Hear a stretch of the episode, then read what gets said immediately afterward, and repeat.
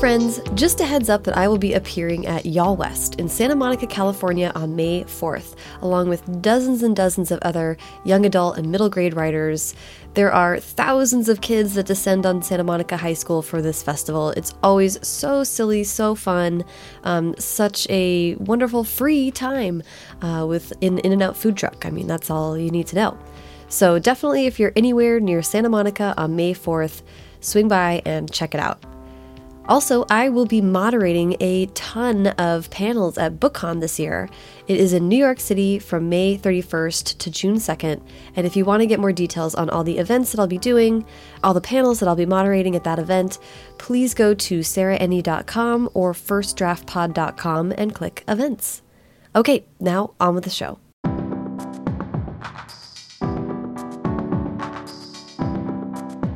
Welcome to First Draft with me, Sarah Enni. Today I'm talking to Will Hines, comedian, actor, podcaster, and author of How to Be the Greatest Improviser on Earth. He also hosts the podcast Screw It, We're Just Gonna Talk About the Beatles, and teaches at the Upright Citizens Brigade in Los Angeles. In this conversation, Will talks about using his Tumblr to test audience engagement, the delicate nature of writing about a community you are a part of, his thorough approach to making the self publication process as professional as possible, and his upcoming fiction sing along improv book.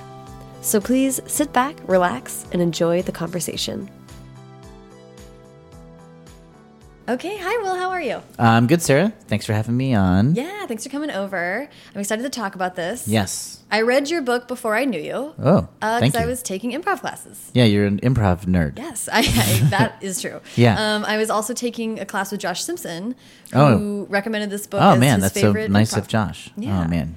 Partly because it covers well, and, and the book I'm talking about is How to Be the Greatest Improviser on Earth by Will Hines. Yeah. And uh, Josh was very much uh, a fan of it because it talks about like the reality of being a human person doing improv. Oh yeah, I'm glad he likes it. I like that part too. Yeah, and we will get to that because I think Yeah. it's so interesting. But Okay, all cool. all my interviews start by going way back, Okay. uh, which is where were you born and raised? I was born. Well, I was born in Ohio.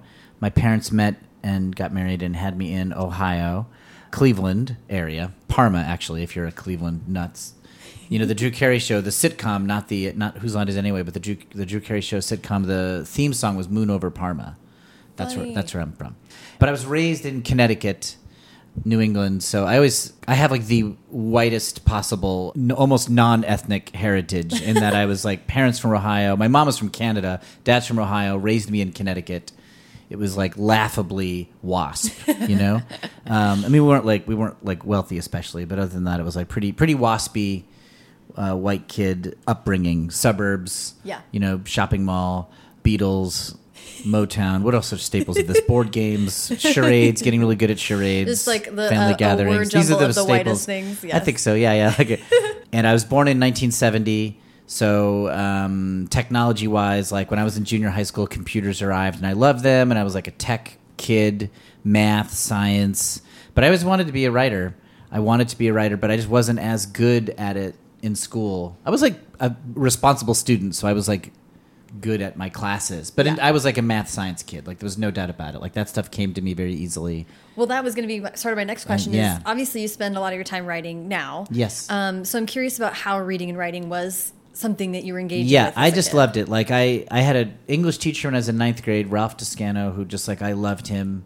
He was one of the. I'm sure lots of people have had this experience. Like a teacher, the first one to teach you like you're an adult, has conversations with you without a hint of condescension, and it was a lot of like, "What's your opinion about this book?" He also was like a very strict uh, writing critic, not in a mean way, but we would write essays, and he would take us up to his desk one by one, and he would do this thing where he would read the first sentence of our essay back to us, and then be like, "What do you mean by that?"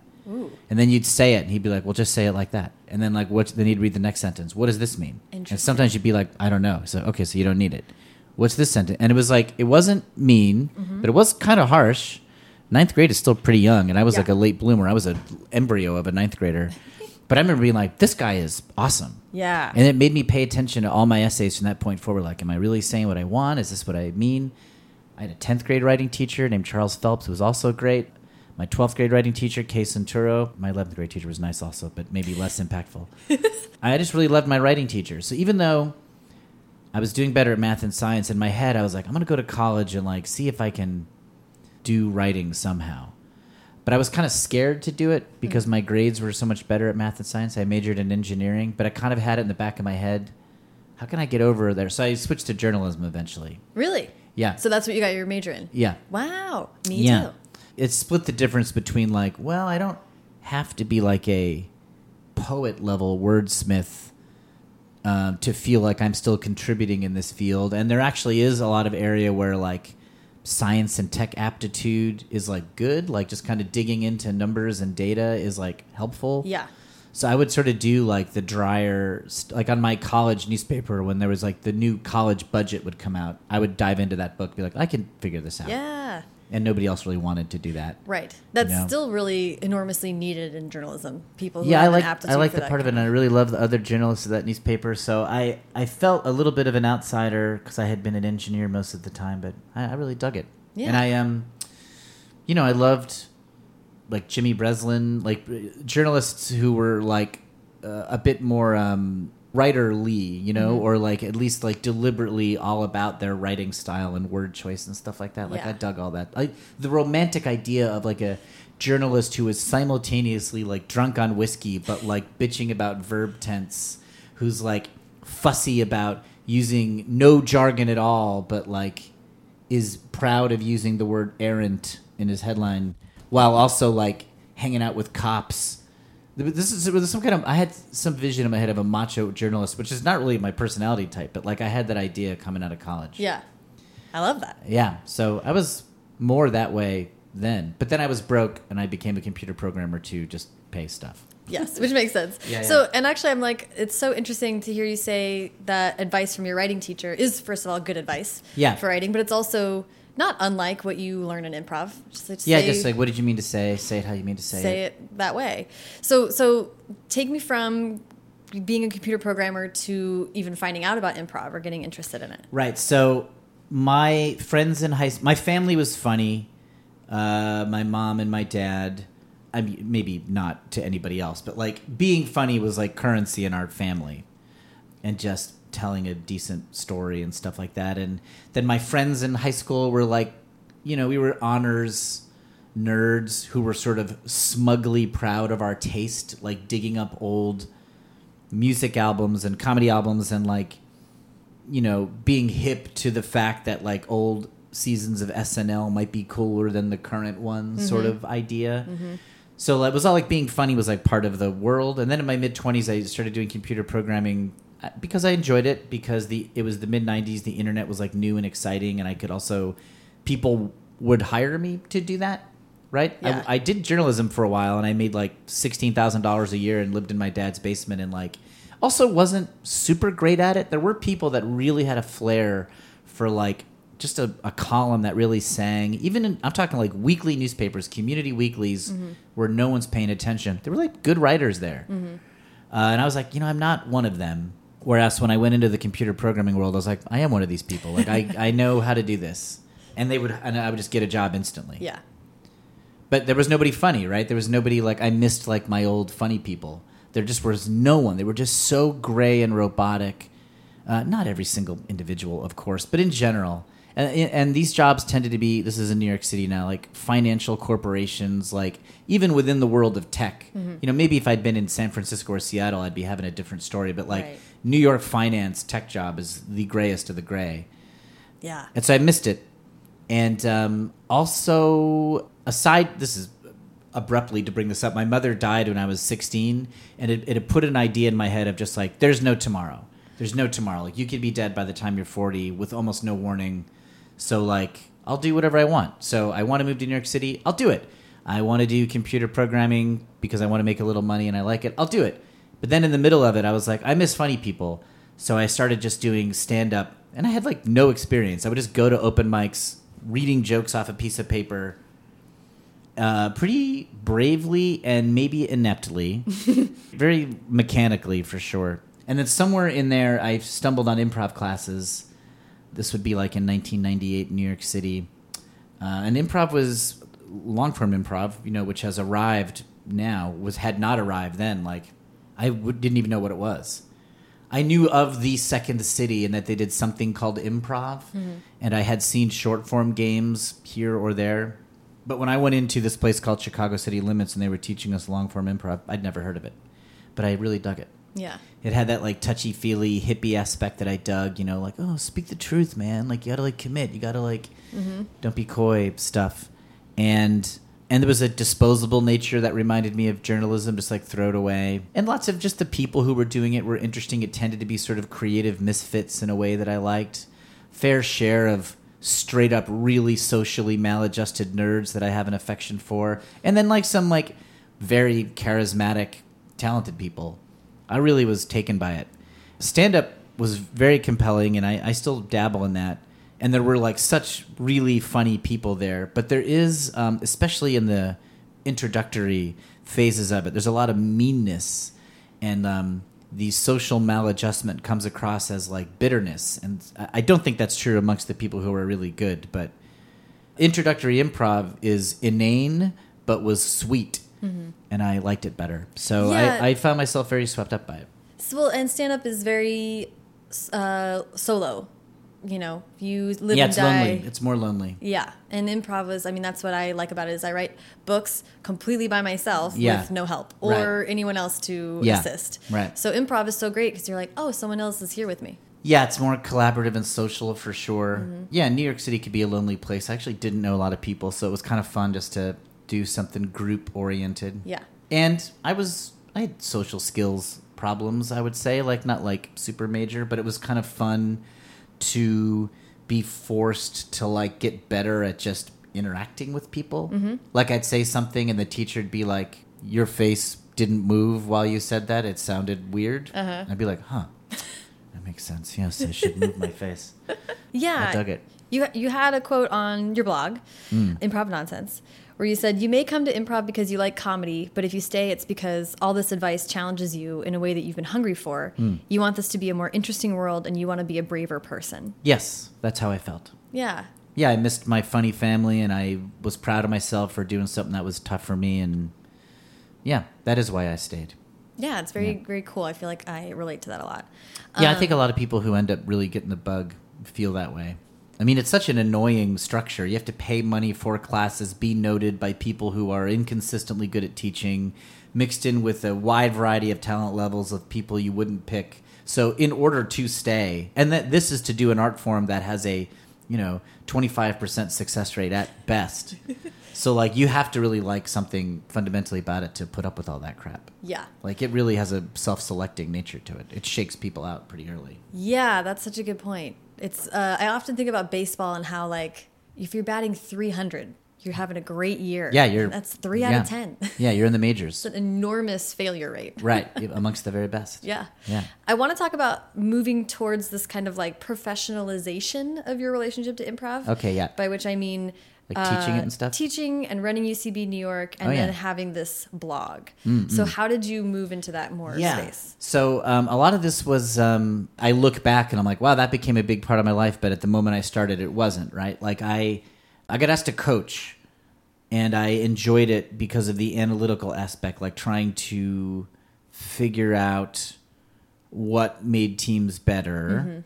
It was like I don't know. It's like being a board game fan. Hmm. You end up wanting to like design your own board game, or at hmm. least pick which board games you play, and you want to pick what variations of the rules. You start to have this like passionate opinion over like, oh, I think this is the way that this game should be played. So I like mean, improv, some I- people think that way. Oh, yeah. You have an analytical mind. yeah, yeah. Uh, Because improv tends to exist in the form of a school, hmm. It attracts a lot of like student types, I think, which is mm-hmm. that's not that's unique to comedy. Like stand ups gets a lot of like very confident loners. Mm-hmm. But improv business wise, improv theaters are broke and improv schools are solvent. So it mm-hmm. attracts teachers and student types. Um, and then the blog happened because I would have these like, I don't know, the same way that anybody goes on Facebook and you feel compelled to rant about whatever, be it like Trump or the you know the way people park their cars. You know, whenever you feel like getting on your soapbox and yelling about something, and you have that urge to be heard, I would have that about like improv things. But I was aware that that is a niche, so I wouldn't go on Facebook, you know, and be like, I'll tell you what, second beats. What's with everybody? Uh, using their fictional name Janice. We got to start using different names. I'd be like, that's an insane topic. But I was like, oh, tum- Tumblr was big. I was like, I'll just start a Tumblr. It's Mm-hmm. passive. Like I'll put it up there. Nobody wants to read it. I'll I'll have the satisfaction of getting it off my chest. Yeah. and it was popular. Mm-hmm. I got like uh, fifteen thousand followers, uh, you know, over the course of a year, and it was fun. I would do it. and I would get like tons of feedback and responses, and people would disagree. It was like really like lively. Yeah. It was like a it was a good time, Yeah. quote unquote. And it did scratch my old journalism itch, you know, like posting an update or whatever. Yeah. So I want I want to talk more about the actual like writing about comedy when we get to the book, but Okay. I think that's so interesting. Yeah. And I mean, not only were you teaching and coaching, but you were running.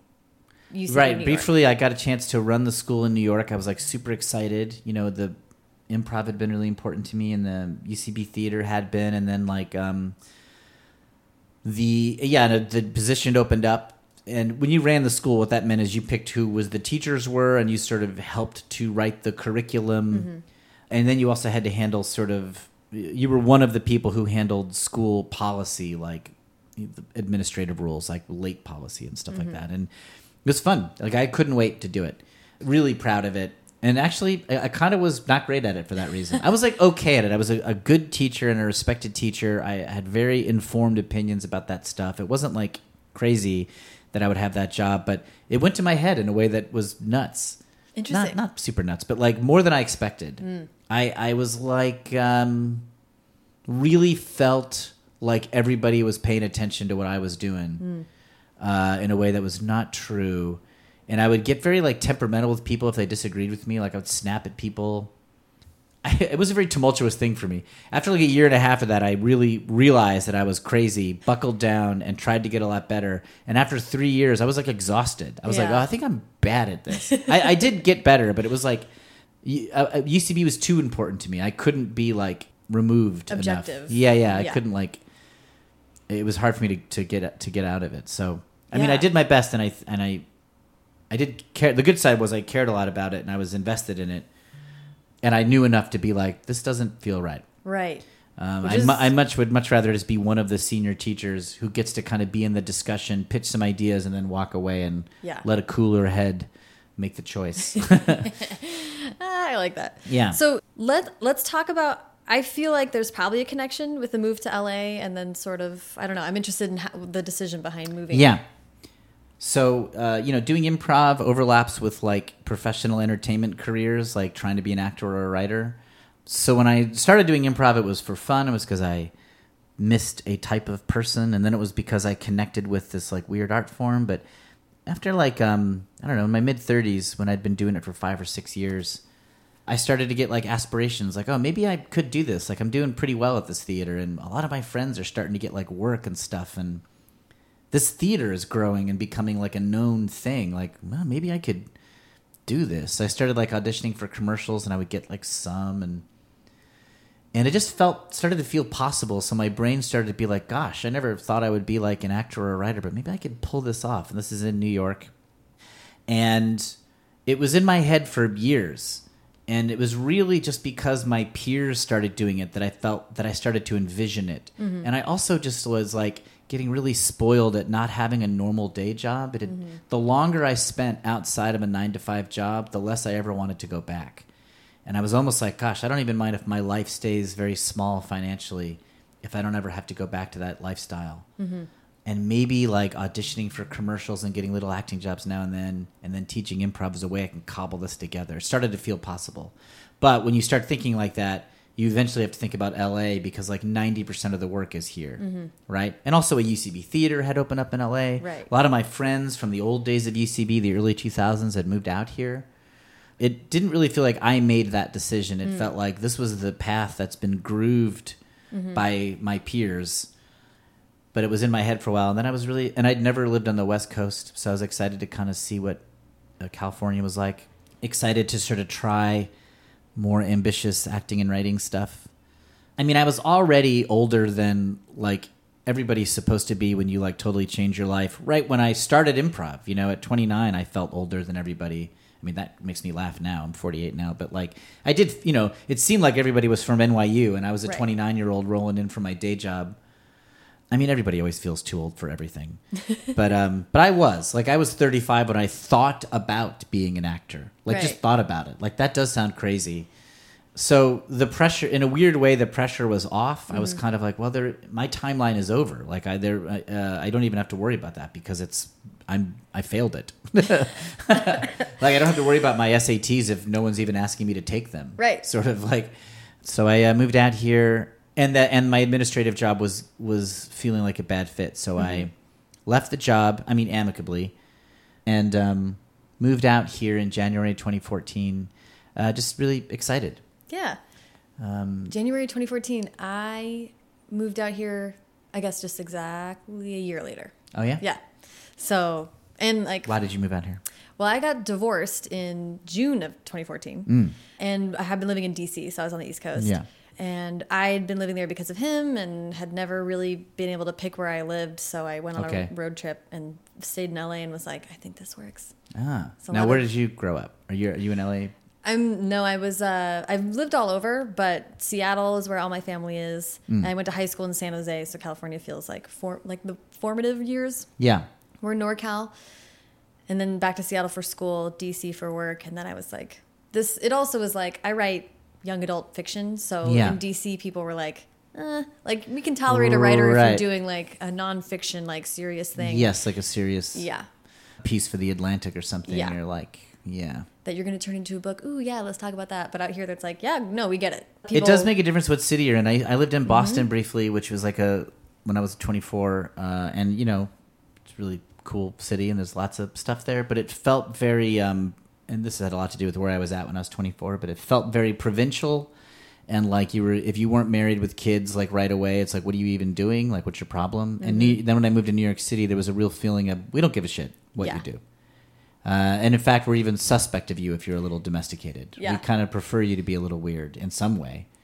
And I, you know, we should all just be our own uh, source of validation for ourselves. But it's nice when you live in a place that is on board. It makes it a little bit easier. Yeah, or doesn't like poke at it all the time. Yeah. Like being an older single person in LA, like it doesn't matter. It's yeah. It's yeah. And if you're in like a small town in New England, it would you'd be like, you know, written off. Yeah, yeah. You'd be the third wheel like all the time. Yeah, yeah. Yes. Okay, so that's interesting. I wasn't sure what the move to LA was was about, but that and it times up with leaving that. that Did you like LA when you moved here? Yeah, I did. Pretty fast because some people it's a big adjustment, especially they're East Coasters. It was a big adjustment. I mean, that's I was not. I enjoyed my time in DC, but I was very like, I need to leave now. You didn't Uh, identify as like an East Coast person. No, I clung real. All my friends in DC were like Seattle. Without getting too into your divorce, just like high level. Yeah. Was it like? Did it like wreck you? Were you wrecked?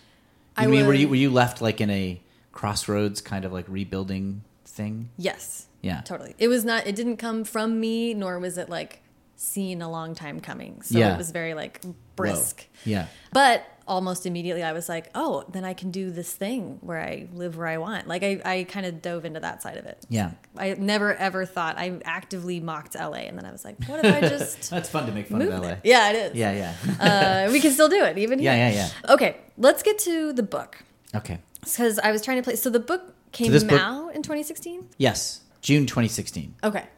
So Yeah. moving, keeping the blog up, deciding Right. to do a book. How did all that happen? So I don't know why I always wanted to do a book pretty early. I I think from when I started doing the blog, I was like, this could be a book. Ah. Like, you know, just for other improvisers, Mm-hmm. not like on the shelves of Barnes and Noble. Just like, and I don't know why I thought that because then it turns out I, I thought there weren't many improv books, and there's not many improv books that have like transcended. I mean, even amongst just improv, there's no improv book that's transcended into like normal culture. But even amongst like improv people, there's not many that have like surfaced. Oh, there's, like, there's one called Truth in Comedy. Comedy that uh you know somebody interviewed Del Close and made a book out of it, and it's I, I like it. Um, it's whatever. That's a subject of conversation for improv nerds. But Truth in Comedy is one of the staples. And then the UCB had just come out with one, and that's that's probably a big one just because the UCB is so big.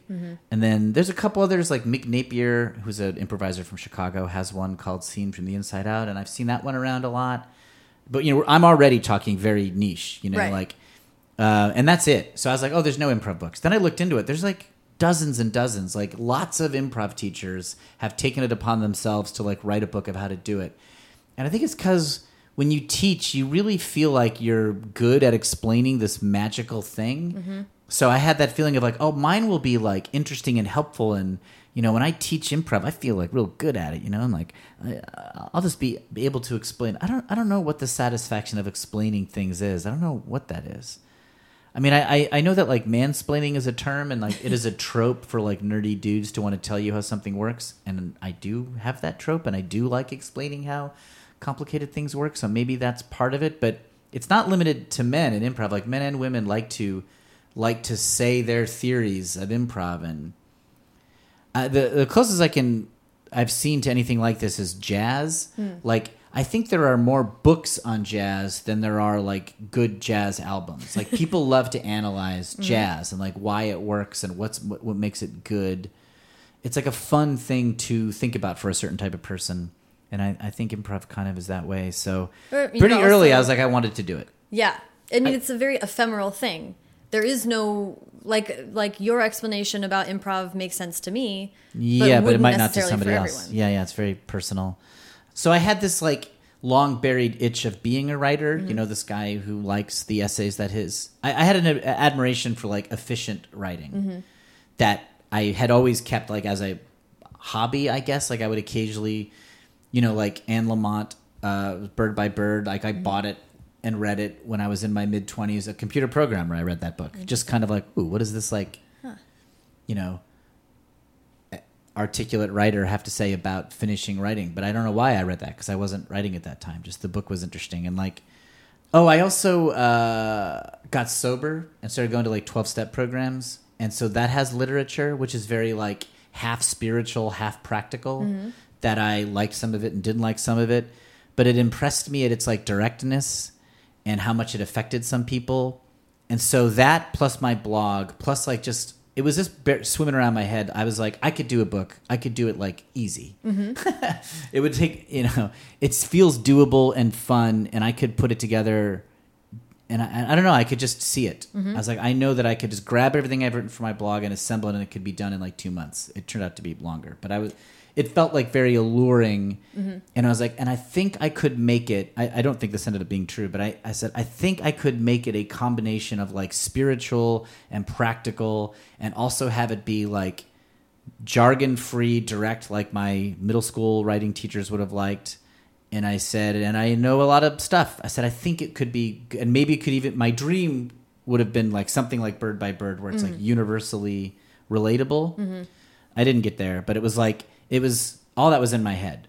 Yeah. And as I could do it. So Yeah. I was just like, I was just like, I don't know. I'm pretty good at like being my own producer. So once I had it in my head, I was like, oh, and Tumblr, I could tell was fading, mm. right? So I was like, this blog is going to go away. No one's going to go to it anymore, and I want to preserve it. Mm-hmm. I also kind of wanted to stop writing in it, and I was like, this feels like an honorable way to walk away. I'll take all the best stuff, put it in a more permanent form, and then I'll be done. Mm-hmm. I'll be done with my job as improv essayist. Yeah. Yeah, which makes sense. Yeah. So I want to talk about the act of writing about comedy and then kind of approach like how you approached a book versus a blog. But- Yeah. So I feel like there's a lot of people that have opinions about even the value of writing about comedy, right? There's a lot of Yeah, it's dumb. mixed opinions Yeah. about whether it can be done No, or it's should famously be done. stupid to do. Yeah, no one thinks it should be done. I think that's true. And your approach is very sort of no nonsense. I mean, it's from a teaching point of view. yeah, yeah. But writing Uh, about comedy is challenging. Yeah, it, it is challenging, and I maybe I maybe um, kind of wouldn't have wanted to write a book that was just about being funny.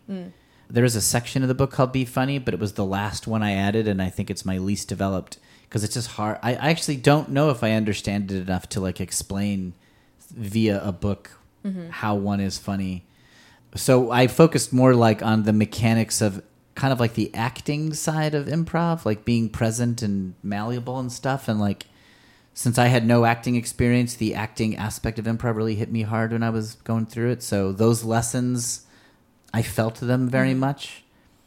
And maybe the funny part, however funny I am, I think I was walking into my first improv class. So that part I didn't shape so much. Interesting. Um, I mean, I, I I did learn a lot that way, but like the stuff that I could most clearly articulate was like how to be a better actor when you are a machine. right. Um, so th- writing about comedy is insane and a bad idea, or at the very least hard. And so I was kind of like, well, I'm not doing that. I'm writing about how to be better in your improv world. Mm-hmm. And I was like, I feel more confident. I feel on surer ground that way. yeah. And um, I would, I just had had luck on Tumblr with certain types of essays that were a mixture of personal and practical. They would just like take off. People would just like pass them around and rave about them. I wrote about like improv as a religion, like how people treat it like a religion, and like Andrew Sullivan put it in his blog, and it got like tens of thousands of like reactions, and I was like super excited. I mean, people have their opinions about Andrew Sullivan, but I was psyched for the attention, and uh, so yeah, I maybe ducked the comedy thing. Well, it's having a lens, right? Yeah, I was like my my intended audience was somebody who had taken three levels of improv, mm-hmm. and they were they had taken enough to be into it, and they knew the very basics, mm-hmm. but they hadn't done it enough to be like jaded, mm-hmm.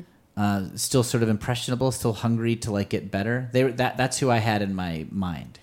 How much was you shaping your essays and later the book around like reactions in the room with improvisers in person as a coach or a teacher versus like reactions to writing? Because those can be different. Yeah, yeah, it was a lot of um, it was more writing. It was like the Tumblr and the reactions to it informed me a lot. It was like, what am I writing that gets that is impact? I mean, I was sort of trying to write a hit in a weird way. I was like, what do people want to read? Right.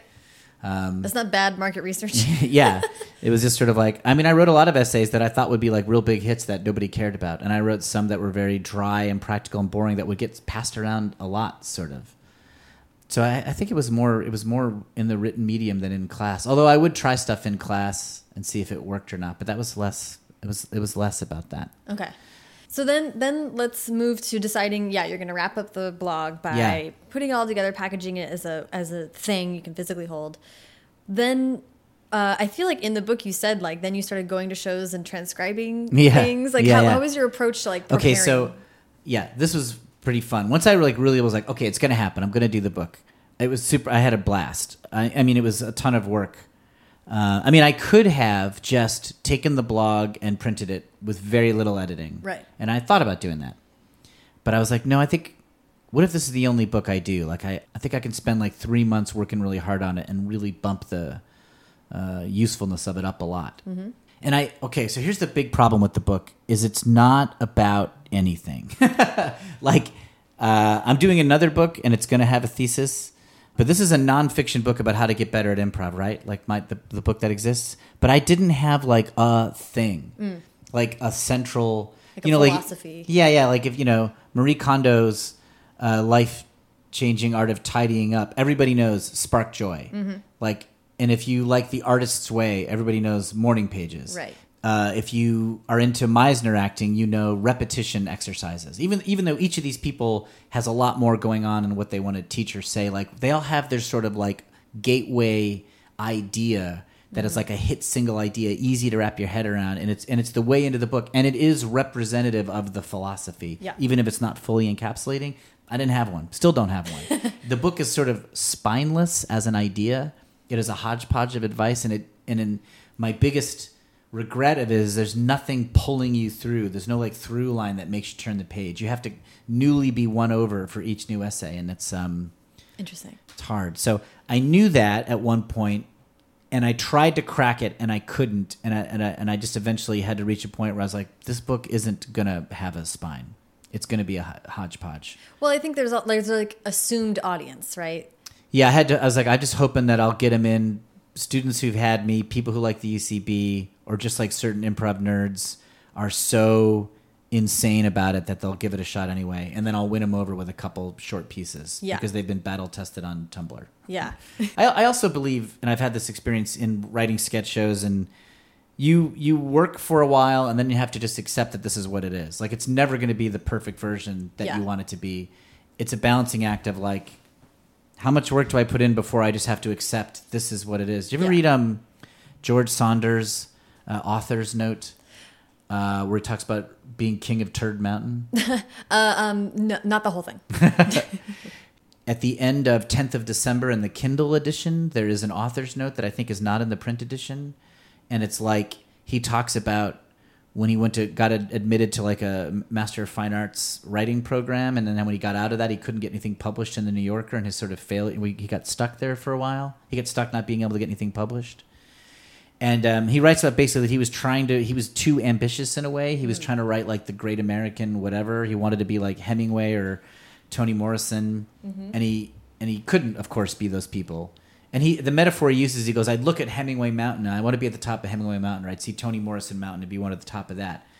But he goes instead like you have to kind of accept whoever you are. He, he, i forget how he does it but he talks about like he sends out a dog to find his mountain and the dog sits on this little pile of shit and is like this is your mountain. And he's like this is my mountain? And he goes the the little writing piece that he'd written to get into the writers program was some short story called um, uh, there is disorder in the floating object room. That's the name of the story. Okay. a sense of disorder in the floating object room or something like that. And it's a real silly abstract description of how there's a room of floating objects and things are going awry it's short. It's like six pages silly sci-fi. There's no real resolution or it's not heavy mm-hmm. but it's funny and it's light and Yeah. it, it's easy to read. And he's like i guess this is me. This is my turd mountain is just to do silly little half sci-fi things which he then did right, but then eventually those grew into being like these beautiful poetic things. But certainly I'm no George Saunders, but like when I was writing this improv book, I was like, well, I wish it was going to be bird by bird, or I wish it was going to be like an AA essay that changed somebody's life, but it's just going to be Turd Mountain. It's going to be like my Tumblr essays, mm-hmm. and I'll I'll spend three months bumping them up, but then it's it is what it is. Mm-hmm. So like to get my roadmap of what the book was going to be, I would challenge myself to make sure that I wasn't full of myself hmm. any more than necessary. I'd be like, all right, open up a Tumblr post area and just write your whole book. Like say let's say you had to say everything you wanted to say mm-hmm. right now in the next 15 minutes. Like four paragraphs. What is it you want to say? And I would write like four paragraphs and then I would title it and publish that. And then the next day I would do it again.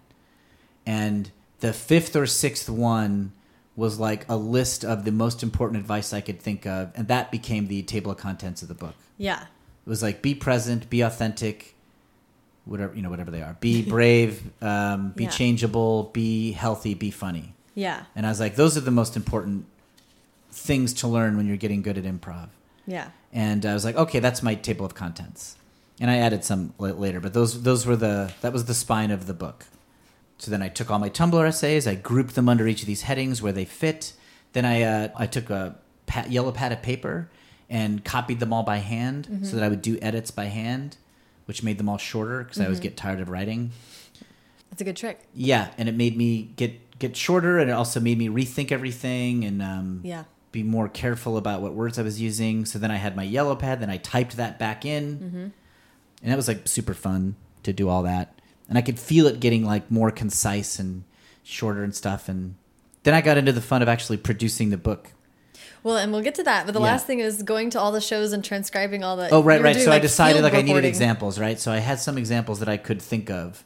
This is the thing about improv. Like when you teach it or when you talk about it, you could say your theory, but it's the examples that make things clear or fail to make things clear, Mm-hmm. right? This is, I think, true in any acting. It's like, well, you know, in improv, you want to you want to be honest, right? And people nod their head and like, yeah, that sounds good. And then you have to give an example of where being honest makes the scene better. Yeah. Or you're full of crap. yeah. I think. and and coming up against the opposite force, which is that talking about improv is insane. Yeah, it sounds crazy. Context. Yeah, it sounds insane. So, but I also think like you can get full of yourself and get real dogmatic and say a rule that you wish was true, but then when you try it, it's not true. Hmm. You know, like one of the first things you learn in any improv class, you got to like say yes, Mm-hmm. and they really train you to like not dismiss ideas and to go along with weird stuff, and that's like a really valuable lesson when you're on your like first day of improv. But then I would find I found myself in later years being like, I don't know if it's my saying yes that's helping the shows. It's what I say no to. It's when I put my foot down and fight back where the comedy starts. Learning when to say no is ultimately more important than what you say yes to. Like, true, when you're new, you, you can't let that critic out on stage because he'll stop everything. But once you get, once you're confident in your ability to let stuff grow, then you have to bring that critic back, and it's only then that you're funny. Right. And I was like, okay, so that's an example of like, well, can I think of an example of when you say yes when it matters, and can I think of an example of when you say no when it matters? And I would, you know, that that would force me to like think about things. The examples were so crucial, mm-hmm. right? So as I'm copying stuff onto my long pad, I'm like, oh, I need examples, and I would sit there and try to think of some.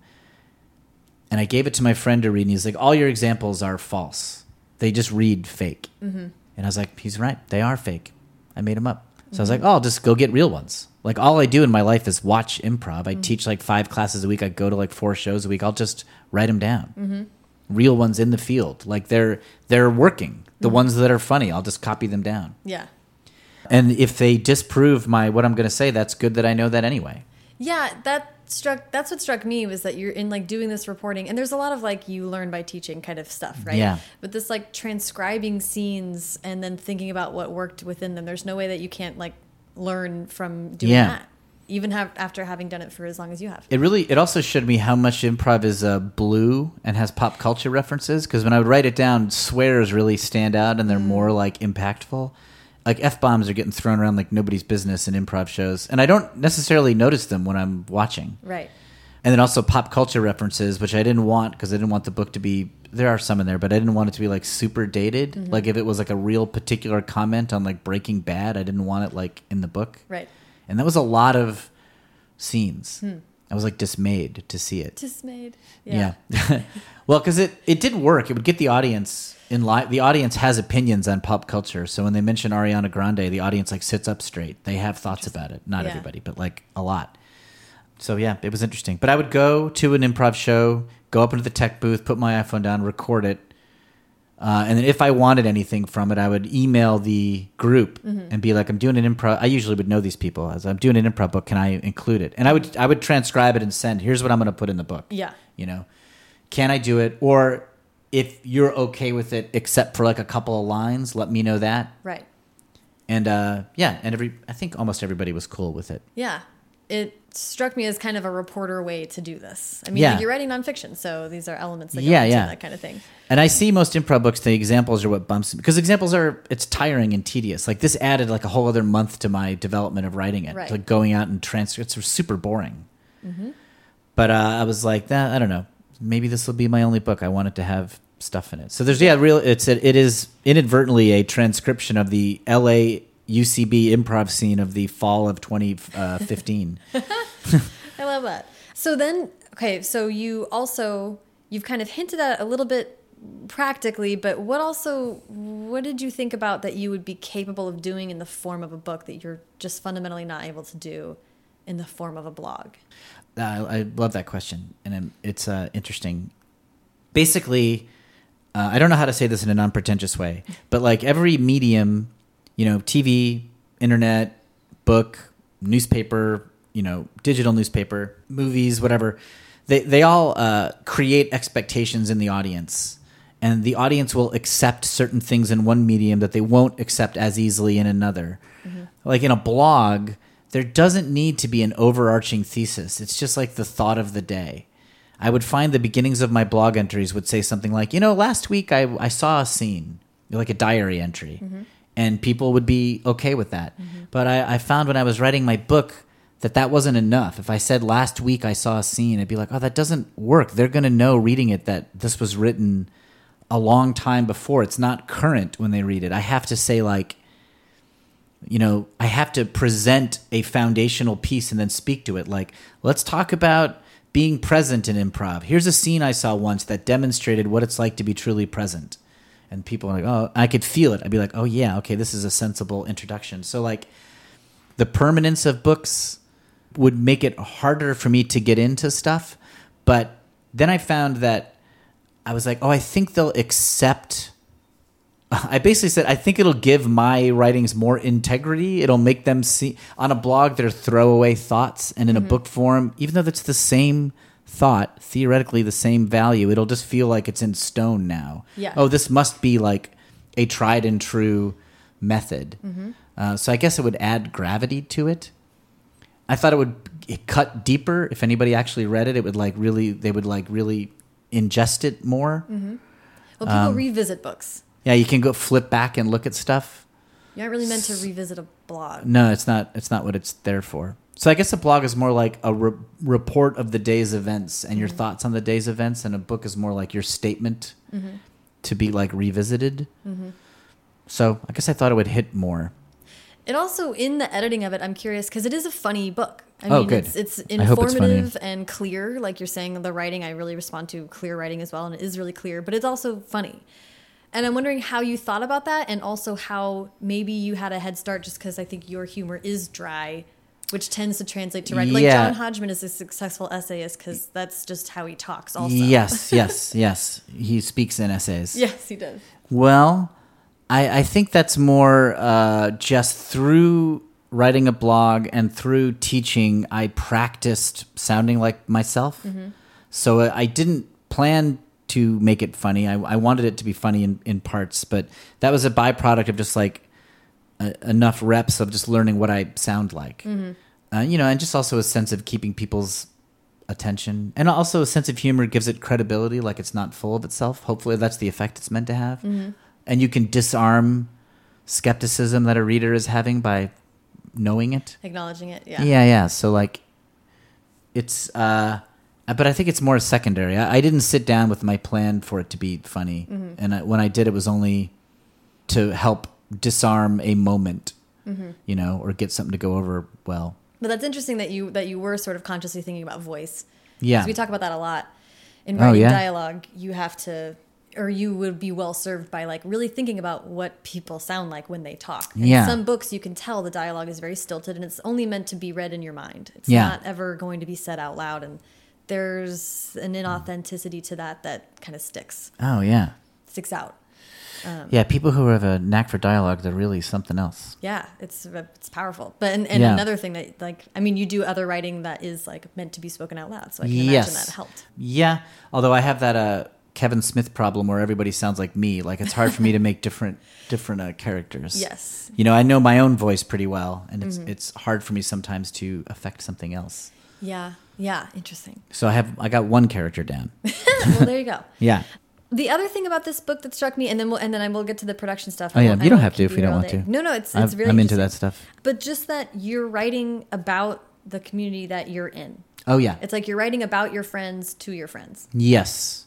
Well, there are certain things I wouldn't say. I didn't go near certain things. And th- I do have a chapter called Difficult People, which is like improvising with. Uh, and because a big part of my development, because I started so early, was everybody was crazy, and problematic people were allowed to be around if they were good. Mm-hmm. Like it was nobody was coming to see improv shows. So if anybody could get up on stage and they just had that thing, that like charisma thing that made them watchable, which is mm-hmm. just like who knows where it comes from and sometimes it just seems like magic. Man, that was so precious and val it's still precious and valuable, but it was so precious and valuable in early 2000s that you would just kind of like, well, he's a drunk, but boy oh boy, does he know how to like grab the audience's attention Right. will really look the other way for a long time. And it's like, oh, this person's a bully. This person's not nice. Mm. But man, they know they know improv. They and it's I don't think that would stand today as much, but at that time it was like, well, nobody here is holding the audience's attention except for these five people. We ha- these are the five we have to learn what these five people are doing. We mm-hmm. can't kick them out. They are the only ones doing it, right? Mm-hmm. I mean, there also were very lovely and emotionally healthy people who were very good at it, but there just weren't a lot. And even people who now I know to be like super, super good were like green, like Jason Mantzoukas, who I think is like a super talented, funny comedian, great. And he was always good, mm-hmm. but he was like less good. I mean, he was like a he was like a, a funny guy figuring it out. And mm-hmm. you could easily see shows where he would like just biff it, you know, like he he would be the the first to like want to learn from somebody Right. you know? And i i, I kind of romanticize that time of these like broken people stumbling around the stage who are good despite their personal failings. Okay so i have this chapter difficult people. And um, i have a list of here's things that i had to put up with from crazy people. Those are all true stories uh, that i could like name but obviously i just don't name them.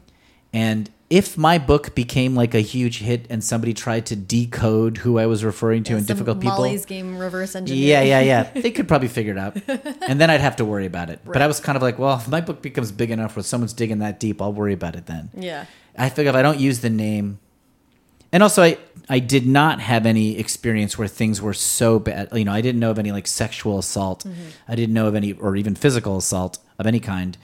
It was all like bullying and like toxic behavior and kind of like emotional shittiness. Yeah. you know what I mean. So Which is outside of the sphere of like a nuts and bolts game move type of Yeah. way of look. It's more like as a human person who's going to be involved in this community. Like yeah, but it's so crucial. It's just like you want to be good at jazz. Your best saxophonist is going to be on heroin sometimes. So like. When do you when do you put him in rehab and when do you just say like take the solo? right, right, right. uh, not quite that dramatic, but some version of that. Like, this isn't something you can do alone in a room. You have to do with other people. Like, uh, absolutely, a part of what makes people successful in it is who can deal with crowds of artistic, creative uh, people. Yeah, yeah, It's a core skill. It's like it's just you can't survive without it. yeah. Um, it's crazy to me that improv. I think most improv books do touch on it actually, but like I really wanted to lay it out there. Yeah. So I, about my friend, I did think like I'm not going to write anything down I wouldn't say to somebody's face, mm-hmm. and if I'm not willing to do that, I don't put it in. Mm-hmm. I also try not to just ex- to go too far afield of what I am able to speak to. Like I can speak to my experiences of what it was like to be a shy, introverted person who became like an actor. I can't speak to what it might be, say, to be like a woman in like pretty much a boys' club and like you're getting hit on like all the time and you have to navigate that. I don't know what that's like. I can't speak to it. I, Right. I, I know that it's there and that was like a big part of some people's experience, but I'm not the one who can tell that story well. If I tried to, I think it would have been, I would have done it badly. Right. I, I think I make brief references to like, you should never have to put up with any behavior that's like, I, I forget the wording You I use, but like true. You don't have to be physically picked up in a scene. You don't have to be like harassed or like assaulted, but you might have to have a somebody undermine you and condescend to you in every conversation they have for a while while you're learning what makes them good. Mm-hmm. It might behoove you to put up with that person, maybe, Mm-hmm. or at least consider it.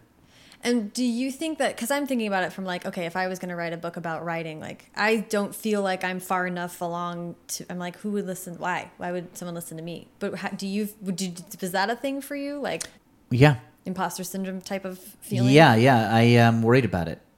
But I, I try to just show my work and be like, here's the experience I had that made me think this, and then here's my payoff. You do have the math also.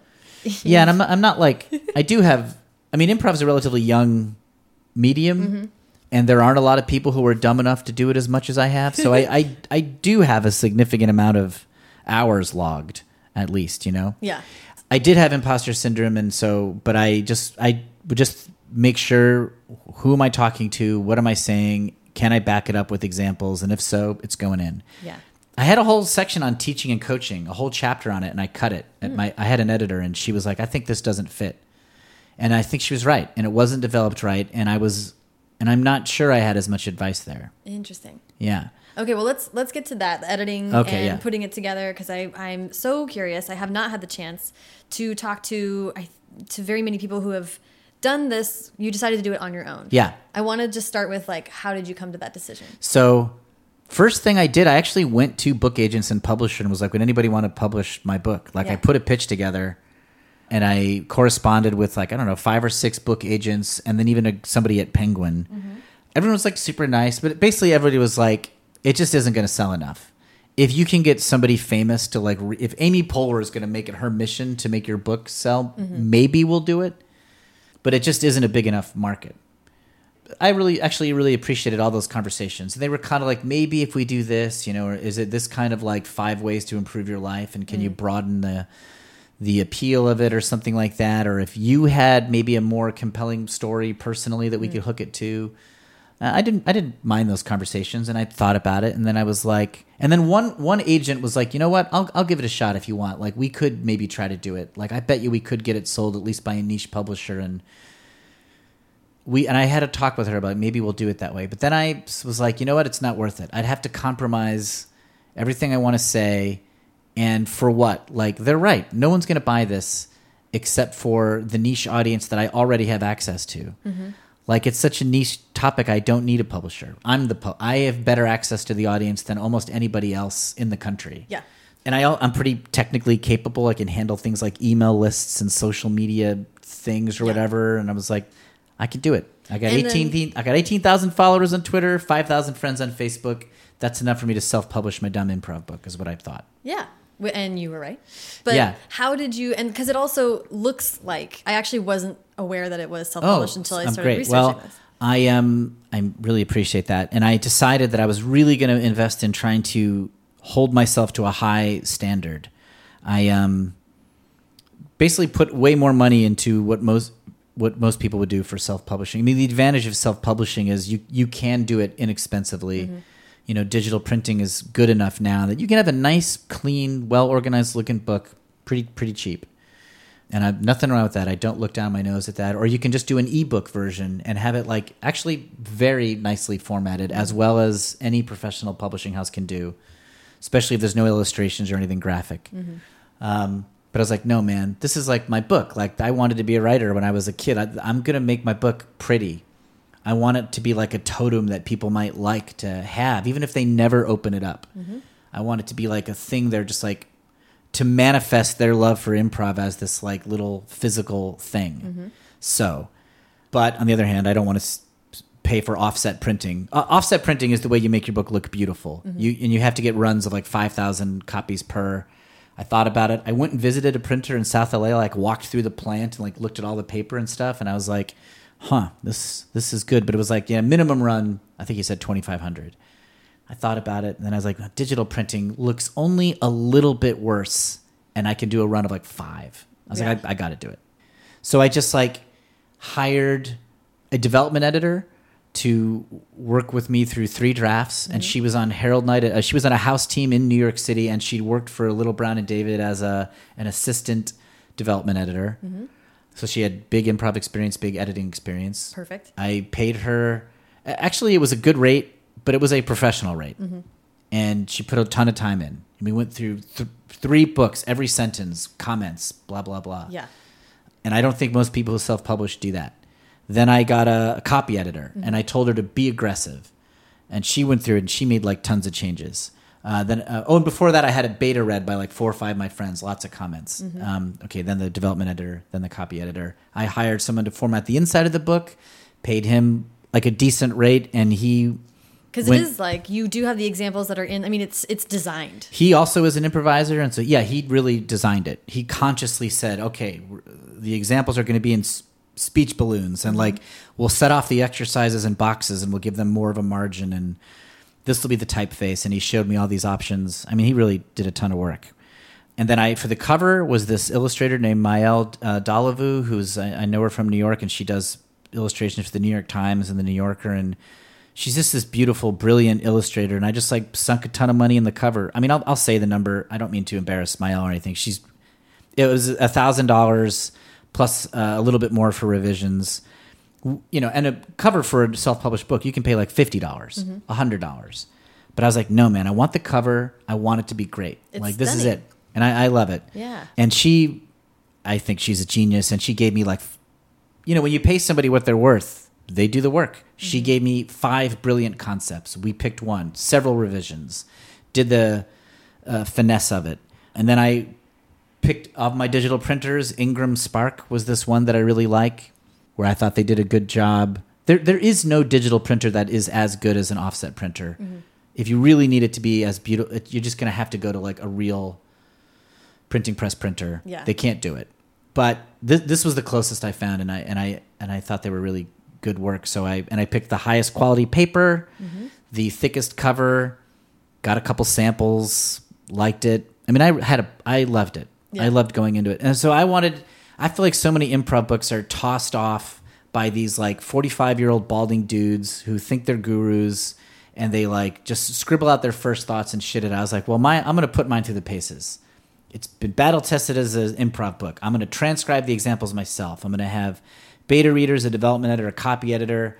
I just want it to be beautiful. I want it, you know, if it's the only thing. And I, I still have huge problems with all kinds of aspects of it. Major flaws in this book. Like it's so hard to get anything finished. But it was, I really felt satisfied. And then when I, I brought it to the UCB, they were like, "Oh, we'll sell it in our store," which was like the happiest I could have been. I was so excited that my home theater. I mean, I guess yeah, they wanted to support me, but I didn't take that as a given. Yeah. And I'm so proud when I see it in the in the UCB store. Which is where I bought it. Um, and also like what what lends credence to your saying like you you were better positioned to put together, market and sell this book than any publisher. I think so. Like I, everybody who worked on the book is an improviser, as well as having the skill that they needed for the book production. I had access to the market. You know, I, I did a pre-sale. Oh, I even sold it out of my apartment. I didn't even sell it on Amazon for three months because you make a lot more money if you just. I mean, it's humiliating. You have to like buy the envelopes and package it in your. I mean, nobody should do this, but. I was I was kind of into it, you know. I was like I pre I set up a e-commerce site with mm-hmm. my computer programming experience, took pre-order so that I would cover this money I had sunk into the production, sold, you know, the first 800 that way and then I was like mostly breaking even. Um, then I allowed it to be on Amazon where you get much less of a cut, but it is super easy and they are the best delivery mechanism on the planet. And the number of sales went way up then. I was gonna say, what was the print run that you decided to go with first? I think a, a thousand. Okay, great. Yeah, and you sold 1,000. 800 yourself. Yeah. That's cool. Yep. And I've I think I've sold seven thousand print copies and another six thousand electronic copies. Yeah, niche book, but those numbers are big to me. Like I'm excited. They are. I can say I know some numbers about professionally published books that are much less than Oh, that. great. I mean, I was I was really really pleased with it. And, and believe me, nobody is more aware of the flaws of my book than me and the shortcomings of it. And I don't think there is a th- there is not a through line that pulls you through. That's like a huge. It's like there's no protagonist in my novel. Mm. Like that's a major shortcoming. But I did really kick the tires on this guy in a, in a way that I was glad to do. Like I, you couldn't stop me from fussing with this thing. Mm-hmm. I was partly playing author as well as actually putting something together, and I was thrilled by it. And I recommend it. I mean, I I kind of think if you're a niche author, I mean, this probably doesn't apply to fiction, although maybe some kinds of genre fiction. I think it's fun to pick one thing you like and like go all out on it. Like just like just throw too much money at it, you know, like develop get get like the best artist you know and offer them a thousand dollars and tell them to do your cover. They'll probably do it like real real illustrators. Mm-hmm. You know, like you can get like Chip Kidd to do well, maybe not Chip Kidd, he's like such a celebrity book designer, but I bet you could get like Dan Clowes, who's like a comic strip illustrator, who does like New Yorker covers. I bet you that's not crazy. Mm-hmm. Maybe it is, but like They're professionals, Less right? crazy They- than you think. Like Yeah. it is way more within, especially if it's someone who's not famous that you just happen to know they're good and they don't have like a celebrity rep. You Mm-hmm. can definitely get them, uh, and I would recommend it. Yeah. Um, it's Well, I really mean- fun too. Yeah, I like. I mean, it's just obvious how much pride you have in it, and deciding to take it seriously is the other thing, right? Yeah, it's not, a it's a blast. not just uploading your Tumblr to Amazon and, and saying we're Yeah. done with it, yeah, but making it something that you can that you want to hold as an object. I I don't.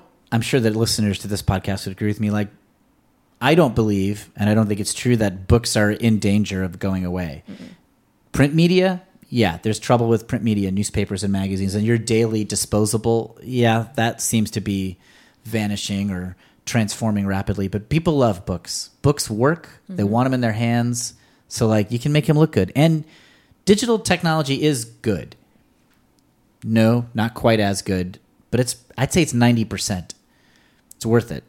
I don't know. I, I would say if you're an author and you, you could do it, you Mm-hmm. could make a book and it could be beautiful, sit on your bookshelf, and you'll love it forever. I would recommend Yeah. doing it. I dig that. Well, and I like talking. This is cool to talk about you self-publishing because you did it this way. I think that's really neat. Yeah. Um, because this is why a lot of us choose the traditional route, so that something will look, Yes, like- and they are so so good at that. They Yeah. take care of all that for you. yeah. I, I had to like format my ebook five different times before I had it look right. It took forever. It but kind of a fun challenge for you, right? I, I dug it. I mean, uh. I got that computer nerd side. It was fun to figure out. So let's talk about about new book and then advice, and then and we'll wrap up with advice. Okay. But so what's going on with? So I'm doing another I'm doing another improv book. I had so much fun doing this one. And like I said, the main thing I didn't like was I didn't have a central thesis. Mm-hmm. But a friend of mine named Billy Merritt, who was an improv teacher at the UCB and I've known him forever, has had this like fun improv theory he uses that all improvisers are either pirates, robots, or ninjas. It's, it's a fun thing that he does. And he's like, you know, the pirates are the passionate actors and the robots are the analytical writers. And then he keeps changing what he wants Ninja to be, but he settled on and uh, he settled on Ninja being like the merge of the two. Yeah. the one who can change as needed. And I, I approached Billy and I was like, Billy, that could be a book. Like that is a central thesis. It's fun. It is the morning pages of your artist's way. It is the spark joy of your tidying up. It is a thing you can grab onto, and it's fun, and it is accurate. There's a lot of truth in it. I said, I'll help you write that book. And I said, we, and I mean, I was crazy when I approached him. I was like, we could write a best selling improv book, which is not that much.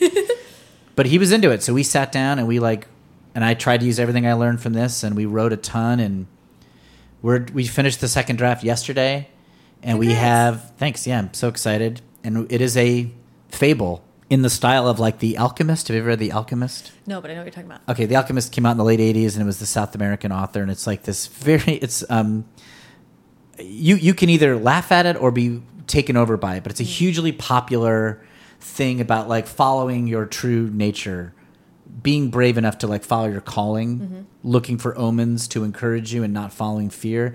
But it's told as a fable of this like Arabian kid in in northern Africa in like the distant past mm-hmm. who has a dream of jewels in Egypt and whether he's too scared to go get them.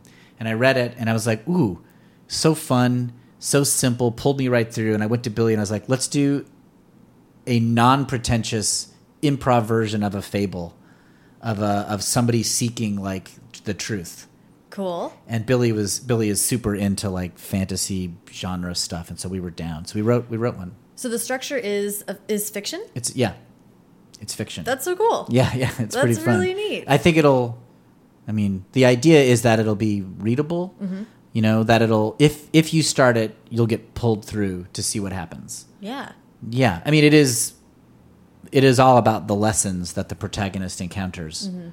But uh, we we just and it was for fun, and I don't know, it's just fun to make stuff. Yeah. Yeah. Will you will you try to do that the same way, or will you ask I'm gonna use- about traditional publication? Uh, nope, I'm gonna do the same way. Okay. I don't think I don't think I need them. And I'm not a hundred percent sure it's big enough. Oh, you know what happened? A penguin guy did call me after mine had been on Amazon for a while. Mm-hmm. It floated to the top of actors auditioning books for a couple weeks. Mm-hmm. And so I got a call from a guy at Penguin. It was like, "Oh, we'd like to maybe talk about publishing your book." Like I mm-hmm. kind of felt like the big leagues were calling me, right? Nice guy. But then I told him the numbers that it sold, and he was like, "Oh, we're not interested." Like I thought it was more. Uh, which I well, I wasn't insulted by that, but he gave me all this advice on like gussying up my Amazon profile mm. to get it more like looks and stuff like that, and it helped. My my book sold more after that, but I was like, yeah, I just don't need them. Mm-hmm. I can make it look good. I can get it on Amazon. I can get the my credibility amongst this specific audience is higher than a publishing company. Mm-hmm. The only thing I miss is the prestige. Like you get some prestige by having a publishing company. It just looks legit.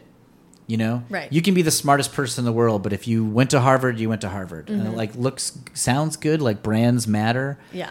And but I don't know. Maybe I'll write another one after that's designed for the masses, and I'll try to get that sold. But Well, it, it'll always be there, right?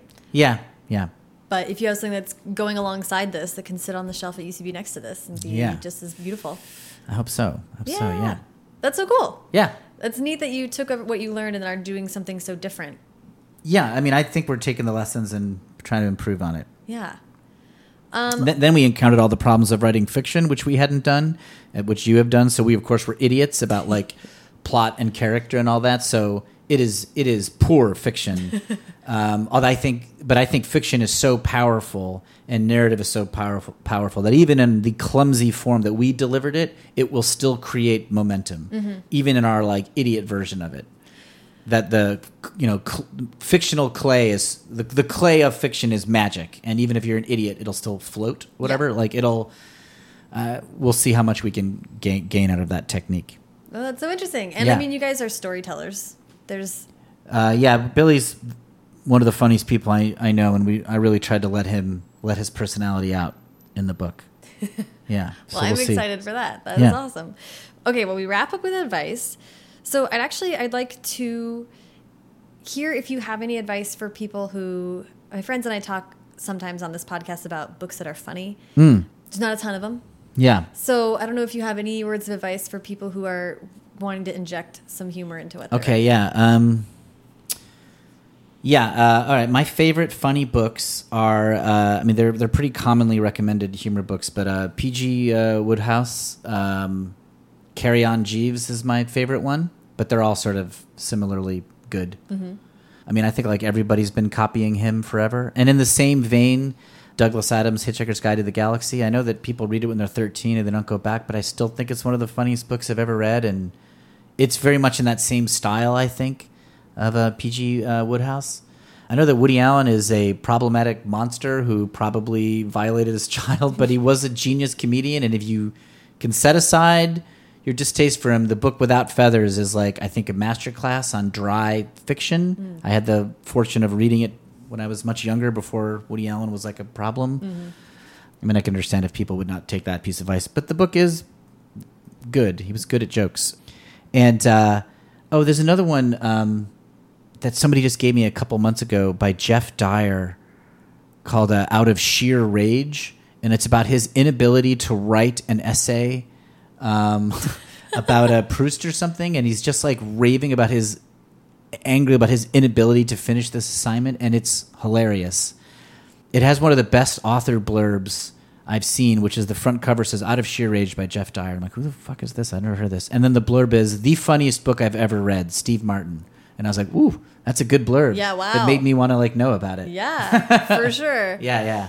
But So- but I mean, those are good examples. But I think that you were successful in being funny in your Oh, thank book, you. and I'm wondering. Hope so. I mean, if, it seems like finding voice is like probably a good step, Yeah. right? Okay, I would say, I mean, the, what I did was I tested it in little chunks. So, like, talk to a real human being about your story. Mm-hmm. Well, it's easier in nonfiction because you're the voice in, for this example. So, like, if you want to write an essay about whatever, have a conversation with somebody about it. See what you notice what you do to hold their attention when they're looking right at you. Mm-hmm. Notice which parts you skip. Mm-hmm. I mean, I- I'm very influenced by stage acting and what the audience responds to in the moment. So, like, it's really helpful for me to have an audience to guide what I'm going to do. Mm-hmm. So, pay attention to how you explain things in real life. I've also, in my futile efforts to sell things to Hollywood, uh, when I'm trying to break a story, I'll usually do something where I grab someone and be like, let me just tell you the story of the show. And let me just see what sticks.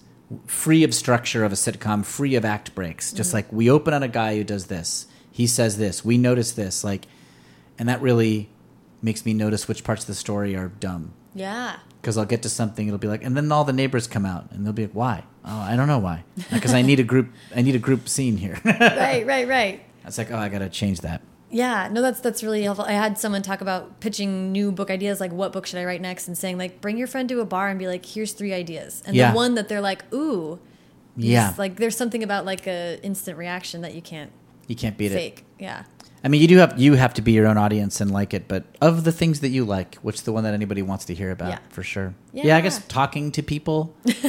oh, I, I also read my book out loud to myself on one revision, and that made me change all kinds of stuff, and I mm-hmm. hated doing it. It was deeply humiliating, but it just like made it better. it helps. it worked so well that I hated it. I hated how well it worked. Yeah, you change like like a ton of stuff when you do that. you just anytime you're full of shit, even for a second, you hear it when you read it out loud. Mm-hmm. Um, well, that's great advice. Thank you so much, Will. My pleasure.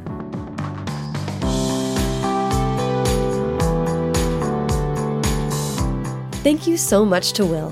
Follow him on Twitter at Will Hines and Instagram at Willie B. Hines. Follow me on both at Sarah Enni and the show at First Draft Pod. There are links to everything Will and I talked about in this episode in the show notes, available at firstdraftpod.com. If you enjoyed the show today, please subscribe to the podcast wherever you listen and leave a rating or review on iTunes. It helps other people find the show, and it's just a good thing to do for humanity. Haley Hirschman produced this episode. The theme music is by Dan Bailey, and the logo was designed by Colin Keith.